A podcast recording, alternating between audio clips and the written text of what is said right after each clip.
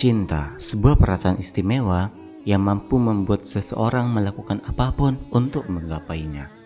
Pada tahun 589 Hijriah, Imam Ibnu Katsir menceritakan dalam bukunya Al-Bidayah wa Nihayah sebuah kejadian aneh yang nyata. Ada seorang putri pengusaha kaya raya yang jatuh cinta kepada budak milik ayahnya. Tatkala sang ayah mengetahui hubungan asmara antara keduanya, maka diusirlah budak tersebut dari rumah mereka. Waktu terus berlalu, kerinduan yang terpendam tak mampu lagi tertahankan.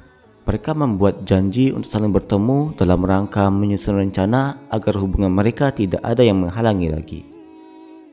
Rencana, oh rencana, rencana yang mereka susun sangat mengerikan. Di keheningan malam, sang putri memerintahkan kepada kekasih hatinya untuk membunuh ayah dan ibunya yang tengah hamil tua.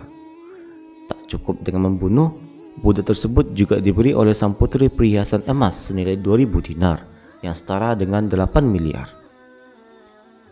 Satu hal yang sering terlupakan bahwa keadilan Allah pasti datang. Tidak butuh waktu lama, akhirnya budak tersebut tertangkap dan dihukum kisas. Banyak kisah-kisah serupa yang kita temukan, di mana seorang yang telah jatuh cinta rela melakukan apa pun demi orang yang dicintainya. Islam tidak melarang manusia untuk jatuh cinta, tetapi mengarahkan agar cinta tersebut menuai ridho sama kuasa, bukan malah mendatangkan kemurkaannya.